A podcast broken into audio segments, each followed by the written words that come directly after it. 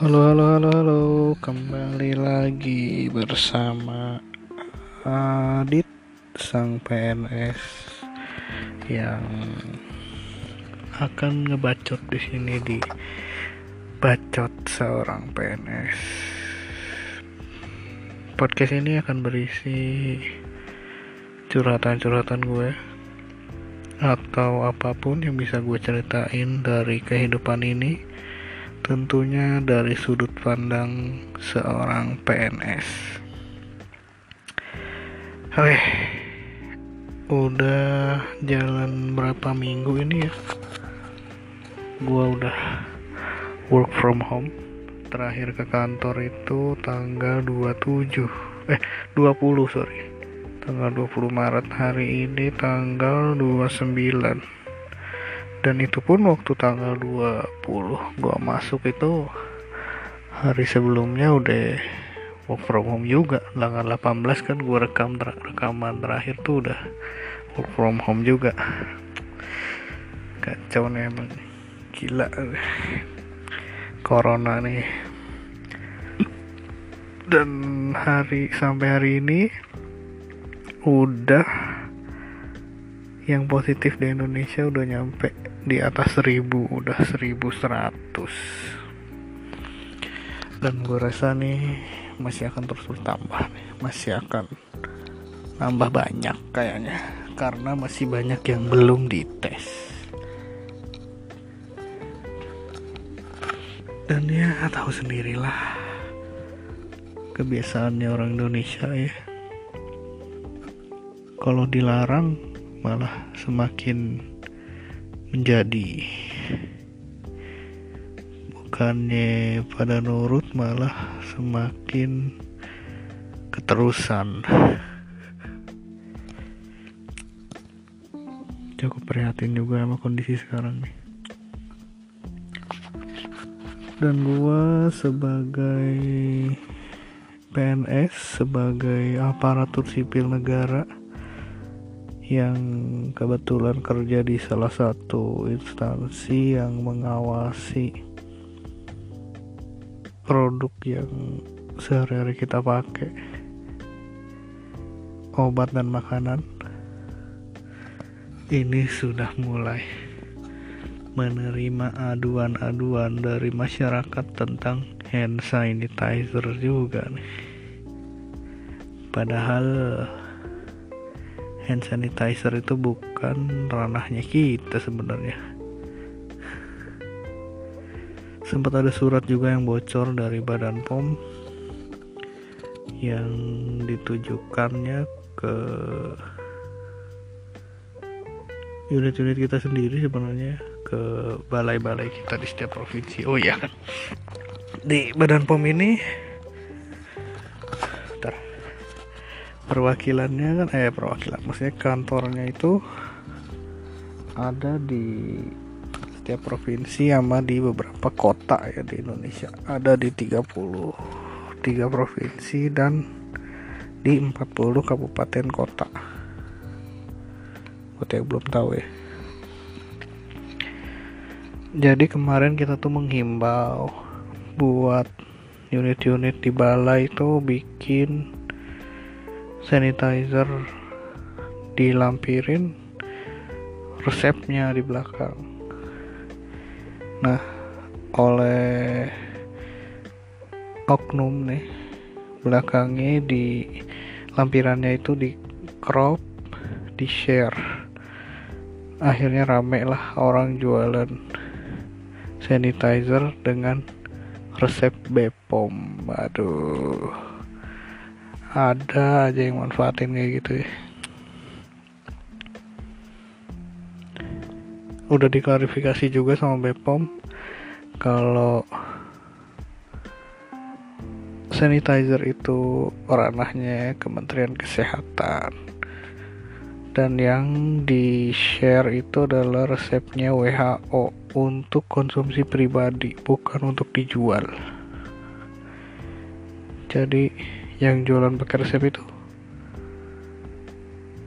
Nggak ngerti ya. Nggak tahu deh pakai MKS mau diapain nih soalnya kan ranahnya mereka. Yang jelas ya udah pasti kagak kagak JMP belum tahu bagus atau enggaknya. Jadi yang kalau yang udah terlanjur beli ya silahkan dipakai dengan segala resikonya. Dipakai dengan segala resikonya. Duh tadi agak ngap-ngapa nih gue nih. Kenapa nih? Harus duduk kali ya? Ini rebahan soalnya. Dasar males. Oke. Okay. iya di episode kemarin gue akan gue janji mau bilang mau ceritain gimana mekanisme work from home kita ya di badan pom. Khususnya di unit gue sih di biro kerjasama. Soalnya badan pom sendiri unit-unitnya masing-masing punya kebijakannya sendiri dalam mengelola work from home ini. Di kita ini kebetulan di unit gua di biro kerjasama itu tetap harus absen. Jadi kita harus tetap harus absen jam 8 pagi dan absen pulang jam 4 dan itu nggak cuma absen sih sekaligus briefing sama evaluasi. Jadi absen pagi itu untuk briefing absen sore itu untuk evaluasi apa aja yang dikerjain di hari itu. Sebenarnya jadi lebih efektif sih maksudnya di hari kerja biasa. Kalau di kantor kan kita nggak pakai briefing briefing gitu ya jadi nggak tahu yang dikerjain. Maksudnya pimpinan tuh cuma terlapor dari apa yang kita bikin apa yang kita naikin ke mereka. Dan itu nggak ketahuan siapa yang bikin karena tanda tangannya sama itunya semua sama apa sama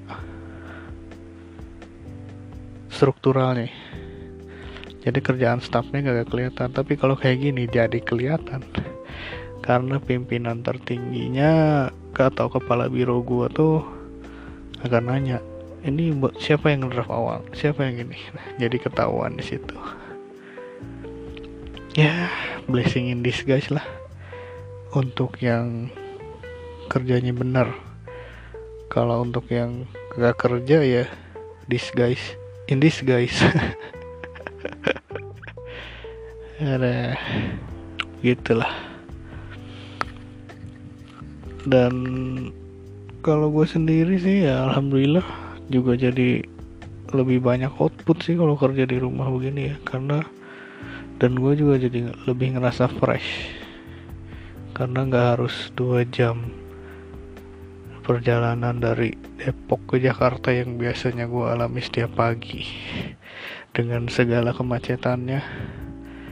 Kalau sekarang ya gue bisa tidur enak bangun gak harus terlalu pagi bisa tidur lagi bahkan habis sholat subuh.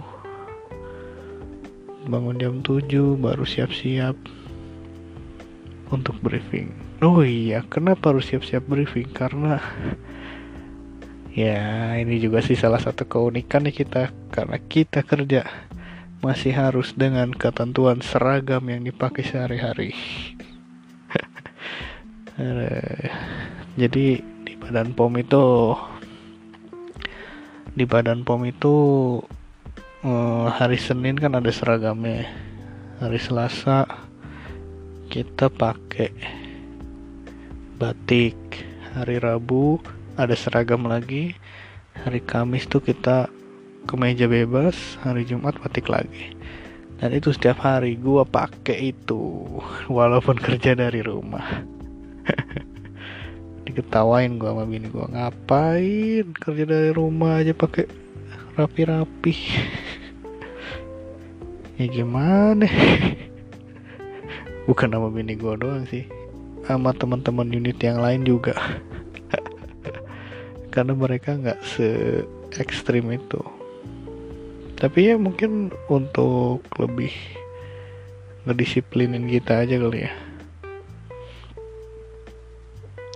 Dan dari sini juga gue belajar attitude attitude untuk rapat online.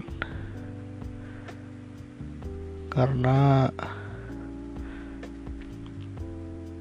ya mungkin itu juga ya. Maksudnya uh, kita harus belajar profesional dalam segala aspek. Maksudnya gue ambil positifnya tuh di situ. Di rumah pun kita harus profesional dengan pakaian kerja. Itu salah satu bentuk profesionalitas sih.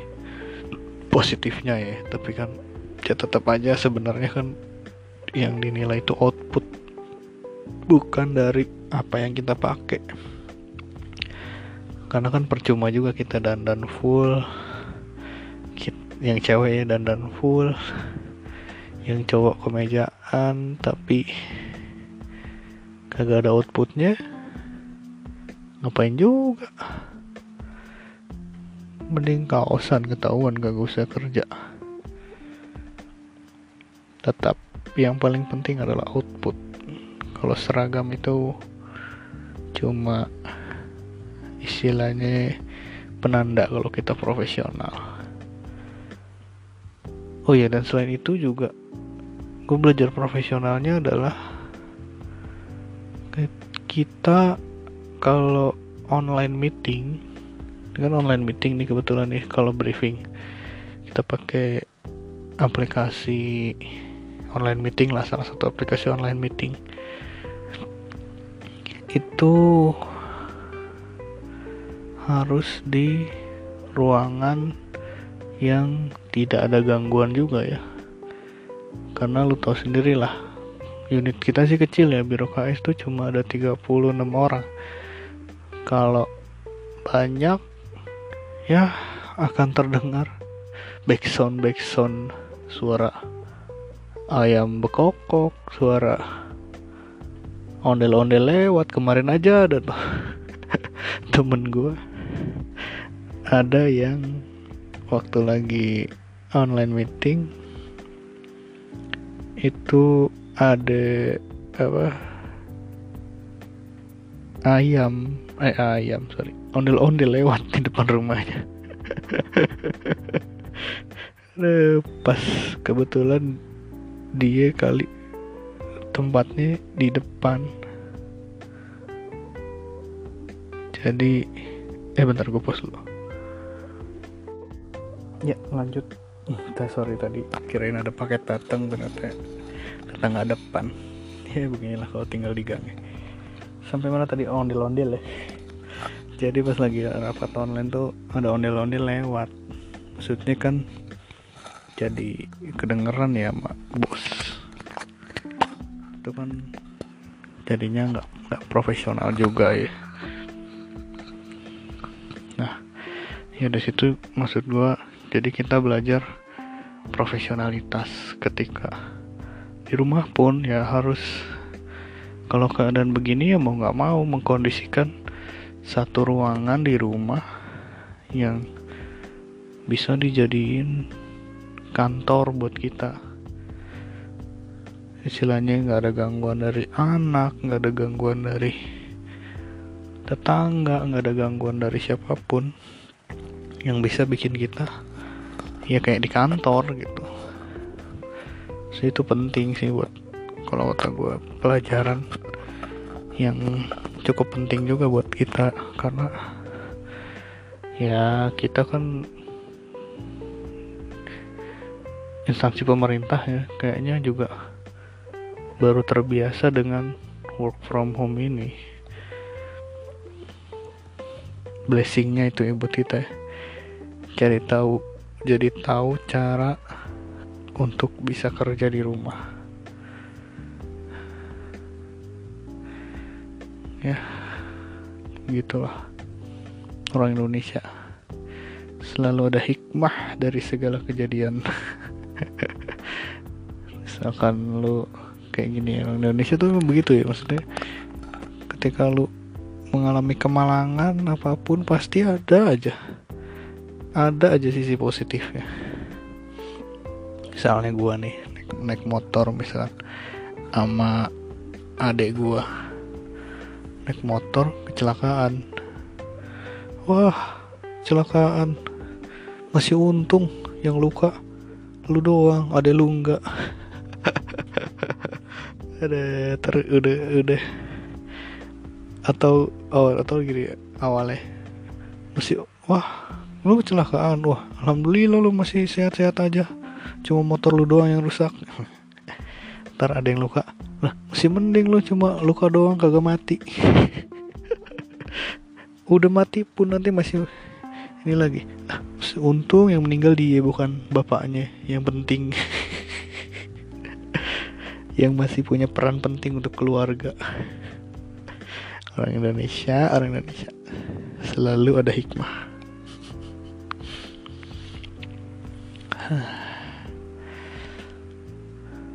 Terus corona ini juga nih ya. Ini gue di lingkungan gue ini. Di Depok masih banyak aja orang ngumpul-ngumpul. Padahal kan ya benar kata dokter Tirta sih ya. Emang harus ada regulasinya bukan cuma himbauan. Ha, ini corona ini kan nyebarnya udah cepet banget. Dan kalau tanpa physical distancing itu akan sulit dicegah makanya memang harus ada regulasi yang ngatur itu. Tadi sih gue denger di berita ya dua hari lagi akan ada regulasi untuk itu. Ya semoga deh biar dipercepat supaya cepat selesai juga nih wabahnya di Indonesia nih. Udah bosen gue dua minggu di rumah. Udah hampir gila gue di rumah dua minggu soalnya apa di rumah kalau leye-leye kagak harus kerja sih enak ya. Lah ini di rumah masih harus kerja juga. Apalagi gua kerja masih harus pakai seragam. Tapi seragam atasnya doang gua bawa selalu koloran sih. Sesuai kebiasaan sehari-hari di rumah. Tetap yang penting yang kelihatannya aja. Ada pernah juga tuh di tengah rapat gue lupa. Gue uh, koloran kan. Lagi rapat online. Uh, bini gue mau lewat di belakang gue kan gak enak tuh kelihatan dia dasteran. Karena kalau di luar kan eh kalau di kalau aslinya kan dia jilbaban. Di rumah kan gak jilbaban. Dia mau lewat di belakang gue salahnya gue waktu dia mau lewat. Orang mau tutupin aja kameranya ya. Ini gue turunin kameranya. Jadi laptop gue gue lipat ke bawah. Kelihatan kolor gue ada langsung temen gue wa eh mas kolor lu kelihatan no. Naikin lagi. Aduh, untungnya temen gue yang lihat. Bukan si bos kalau si bos yang lihat juga ada malu juga. Tapi gimana ya? Uh, menurut kalian gimana nih? Wis gaya bet menurut kalian kayak ada yang denger aja. Episode satu yang denger empat orang doang juga. Satu gua. Tiga nggak tahu siapa kali itu. Jadi apa ya? Menurut kalian gimana ya? Apa kerja di rumah itu perlu pakai seragam apa enggak perlu pakai pakaian kantor atau enggak? Pentingnya apa sih? Kalau menurut gue ya itu sih cuma pentingnya seragam itu ya cuma ngajarin profesionalitas aja sama kita. Ketika kita di rumah pun kita harus bisa profesional gitu. Nggak ada salahnya dan nggak ada mudorotnya juga cuma biar nyuci baju aja. Tambahan nyuci baju doang kan sama sama aja kan nggak nambah juga. Kan tiap hari juga begitu kalau kerja. Cuci bajunya masih sama gitu sama kita dari work from office.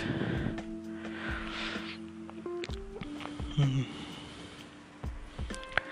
dan corona ini juga kalau kata gue udah membangun sebuah solidaritas yang cukup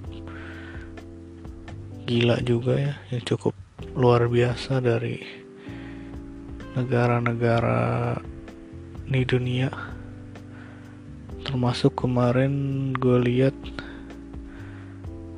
KTT G20 yang dijalanin secara online juga oh ya apresiasi juga buat presiden kita ya Bapak Presiden Joko Widodo yang luar biasa banget. Di tengah kedukaannya beliau ibunya baru meninggal duka cita yang mendalam juga Pak dari kami. Atas berpulangnya ibunda. Itu ibunya meninggal kemarinnya. Hari itu dimakamin siangnya malamnya dia ikut KTT di Istana Bogor. Ibunya dimakamin di Solo. Luar biasa banget. Gua pribadi belum tentu bisa tuh kayak gitu tuh. Alhamdulillah presiden kita profesional. Gue percaya sih.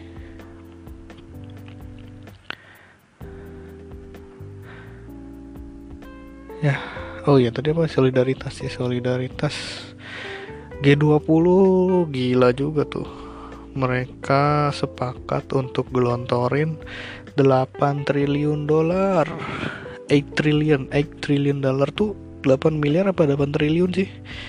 Gue gak ngerti juga ya. Pokoknya Eh, bahasa Inggrisnya tuh 8 trillion. Itu luar biasa. Maksud gue solidaritas yang terbangun dari itu dari corona ini luar biasa ya karena ya gimana juga ya maksudnya. Kalau si corona ini masih masih mewabah emang kagak bisa ngapa-ngapain juga kan kita jadi ya mau nggak mau semua sumber daya dikerahkan untuk nanganin itu dulu. Karena kalau itu masih corona ini masih nyebar ya nggak bisa ngapa-ngapain juga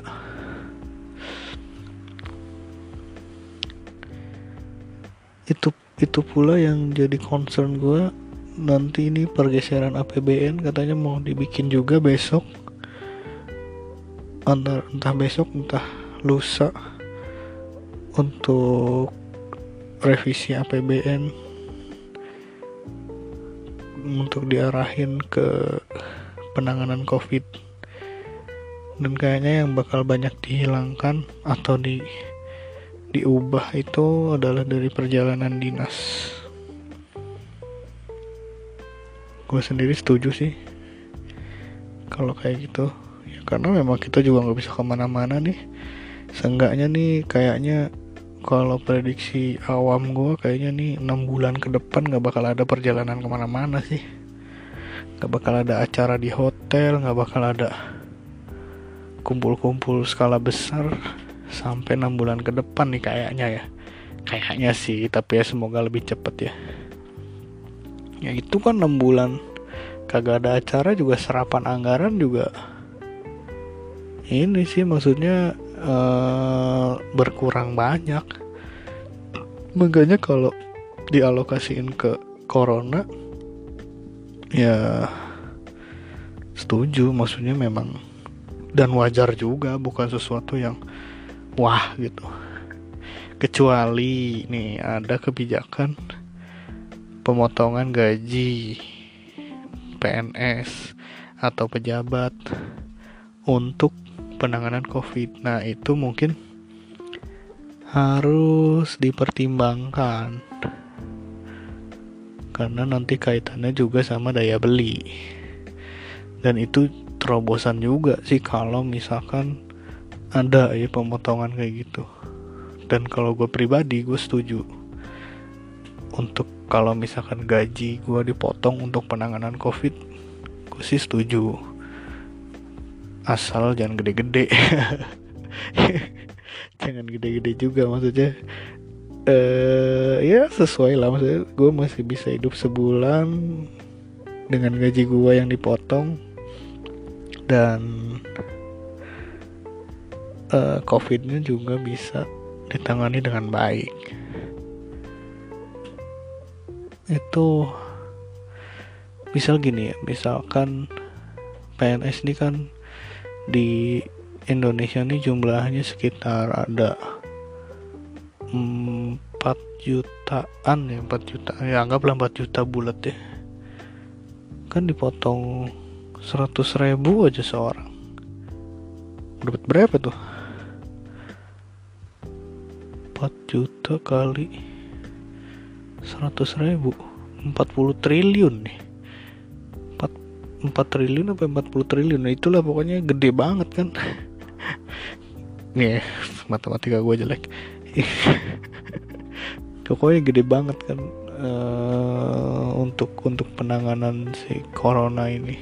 Kan ini yang, yang selama ini ya yang gue tahu nih di berjalannya waktu ini uang yang dipakai itu adalah uangnya BNPB nih sementara nih jadi ada dana taktis yang bisa dipakai uh, untuk penanganan wabah seperti ini di di BNPB. Ini kan maksud masuknya ke bencana non alam. Jadi tetap bencana. Makanya kan ketua satgasnya pun dari BNPB. Itu mungkin salah satu alasan kenapa ini kenapa uh, dipusatkan di BNPB ya penanganannya juga bukan di Kemkes. Walaupun jubirnya orang Kemkes. Uh, kemarin rame juga nih ngomong-ngomong soal jubir corona nih. Ada rame soal Pak Ahmad Yuryanto ini yang setahu gue dia tuh dirjen P2PL nya Kemkes ya kalau nggak salah deh. Dirjen P2PL tuh apa ya? Pengendalian dan penanganan penyakit lingkungan. Pokoknya gitulah yang ngurusin wabah-wabah. Wabah-wabah malaria wabah-wabah apa gitu. Itu di KMKS tuh di P2PL seingat gue dia jabatannya itu. Dia kemarin mengkorelasikan uh, wabah corona ini dengan status sosial. Itu. Gimana ya? Sebenarnya yang dia maksud juga nggak nggak salah sih. Emang pernyataan dia kan uh, si kaya melindungi si miskin dari agar agar hidupnya bisa berjalan normal di tengah wabah dan si miskin melindungi supaya uh, tidak menularkan. Nah, sebenarnya maksudnya benar sih, cuman penggunaan frase si kaya dan si miskin ininya sih yang agak mungkin orang nerjemahinnya jadi si miskin nih yang nularin nih. Padahal maksudnya sih nggak bukan itu sih. Gue nangkapnya sih juga maksudnya bukan itu. Karena maksud sebenarnya adalah yang punya duit bantu nih yang gak punya duit supaya mereka bisa tetap di rumah tapi bisa menjalani hidup dengan normal seperti biasa. Maksudnya dia bisa makan dia bisa dia bisa intinya bisa makan lah ya bisa hidup bisa hidup bisa bisa menjadi memenuhi kebutuhan pokoknya gitu. Maksudnya itu sih yang punya duit itu dan yang maksudnya si miskin di sini adalah mungkin pekerja-pekerja yang nggak bisa work from home pekerja-pekerja yang yang hidupnya harian yang sering keliling-keliling yang nggak bisa diem di rumah untuk bekerja. Itu mungkin maksudnya yang keliling gitu kan keliling itu kan rawan menularkan dan rawan ditulari sebenarnya itu ya. Maksudnya mungkin itu cuman ya karena kalau dipotong kalau pernyataannya dipotong di kaya dan miskinnya doang itu jadi terkesan menuduh si miskin yang menularkan gitu. Padahal maksudnya nggak itu sih kalau menurut gue ya mungkin apa kata dokter Tirta waktu dia live itu mungkin benar juga ya jangan mengkaitkan penyakit apa pun. Kalau kata gue ya gua gua gua gua gua tambahin lagi penyakit apa pun dengan status sosial. Karena penyakit apa pun bisa menyerang siapa pun sih kalau kata gua. Nggak ada suatu penyakit yang misalkan gara-gara dia kaya dia mundur gitu. Emang virus bisa lihat nih orang kaya apa miskin. Gak juga kan maksudnya ya mana tahu virus soal duit mana tahu penyakit atau misalkan nyamuk Aedes aegypti tahu oh ini kaya nih. Enggak deh. Nggak gue isep darahnya. Dia kan banyak duit. Kan nggak juga ya. Jadi ya kesalahannya mungkin di situ. Jangan pakai frase si kaya dan si miskin aja. Maksudnya bagus sih sebenarnya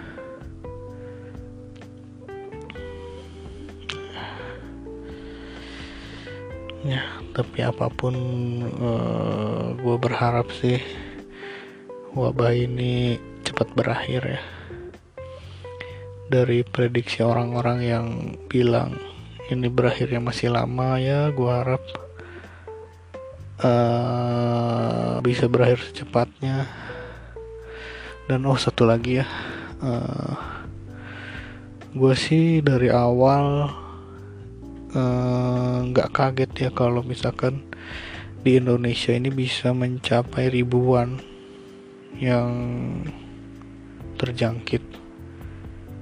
Pertama apa? Karena karena dari awal pun kita terkesan tidak siap.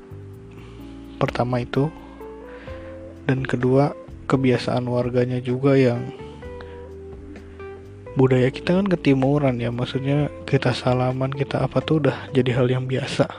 Bahkan orang nggak kenal aja di masjid bisa salaman gitu. Misalkan gue sholat jumat nih di masjid. Kan pasti kiri kanan tuh salaman ya habis sholat. Habis sholat sunnah sama habis sholat jumatnya itu sendiri kan kita suka salaman keliling itu kebiasaan yang baiknya aja kalau di tengah corona wabah corona ini bisa bikin kayak gitu. Apalagi kebiasaan buruk. Kebiasaan buruk Indonesia orang Indonesia juga kan banyak yang bisa bikin nular misalkan berkerumun atau kita nggak nggak biasa budaya antri jadi desek-desekan. Atau kebiasaan kita batuk kagak ditutup. Atau kebiasaan buruk gua? Suka nempelin upili tembok. Itu juga bisa bikin kita nular nularin nularin dan tertular penyakit. Jadi gua nggak kaget kalau kita bisa ribuan. Dan sisi lain pun di pemerintahnya kan kita nggak ketika ada kasus awal itu yang cuman berapa ya? dua awalnya kan? Yang klaster Depok tuh yang ke yang penari nama ibunya. Nah, itu kan setelah itu ada tuh kita nggak kelihatan upaya preventif untuk mencegah lebih banyak penularan gitu ya. Akhirnya kan ditemukan klaster-klaster lain yang lebih banyak. Sampai sekarang mencapai seribu ya. Dan gue juga rasa ini masih akan bertambah. Cukup banyak sih karena pengetesannya juga masih penggunaan masih rapid test dan belum efektif gitu belum belum men menjalar ke semua lapisan masyarakat. Jadi ya selama pemerintah masih bekerja gue harap orang-orang bisa apa ya bisa tetap menjalankan yang himbauan pemerintah untuk tetap di rumah itu penting sih untuk sekarang. Dan kalaupun harus keluar nih gue gua gue cerita juga nih gue kemarin sempat keluar rumah untuk beli makanan sama uh, ya kebutuhan kita di rumah sehari-hari nih. Itu gue keluar rumah gue jalanin prosedur yang disaranin WHO gue keluar dengan maksudnya gue keluar rumah gue beli makanan segala macem. Gue juga sempet sempet beli makanan tuh antri dengan jarak yang enggak enggak enggak nggak sesuai dengan kaidah physical distancing cuman gue kan udah preventif dengan pakai masker dan masker doang sih. Gue udah preventif pakai masker. Gue keluar pakai masker. Gue beli macam segala macam set set set set set gue pulang. Begitu gue pulang nah prosedur WHO gue jalanin. Gue pulang gue lepas alas kaki di luar. Gue taruh semua benda yang gue bawa. Handphone dompet duit itu gue semprotin desinfektan semua.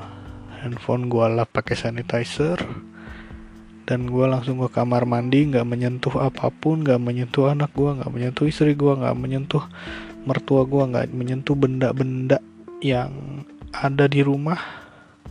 Gue langsung ke kamar mandi gue langsung mandi gue langsung taruh pakaian gue ke tempat pakaian kotor untuk dicuci besoknya.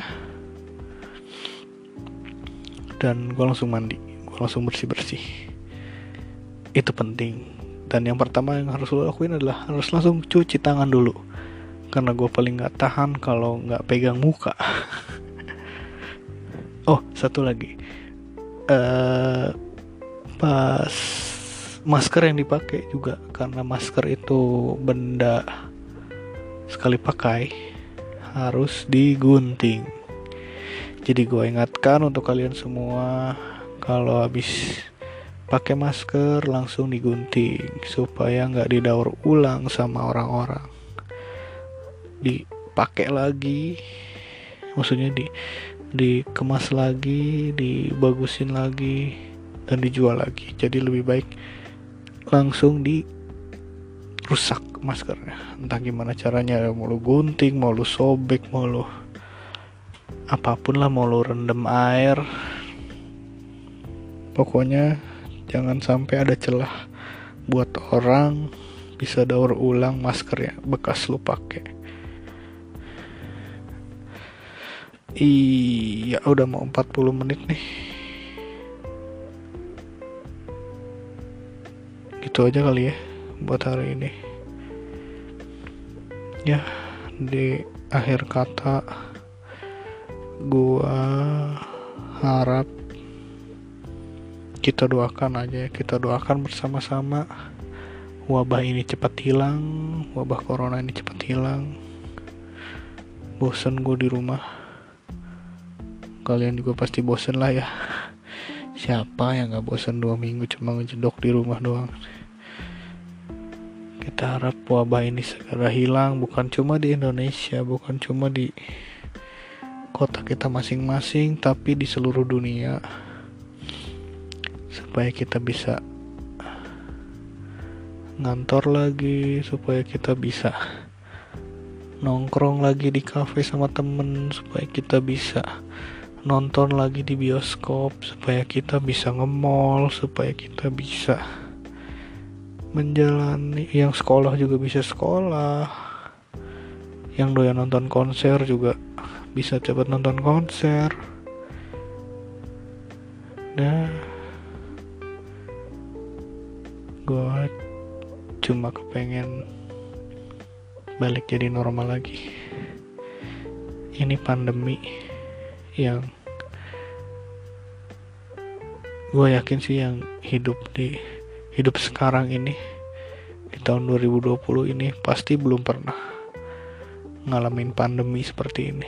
Karena pandemi terakhir itu smallpox ya smallpox sama flu. Itu udah tahun 19 berapa dan itu juga nggak masif cuma di Eropa doang. Ya ini berat buat kita semua. Tapi ya.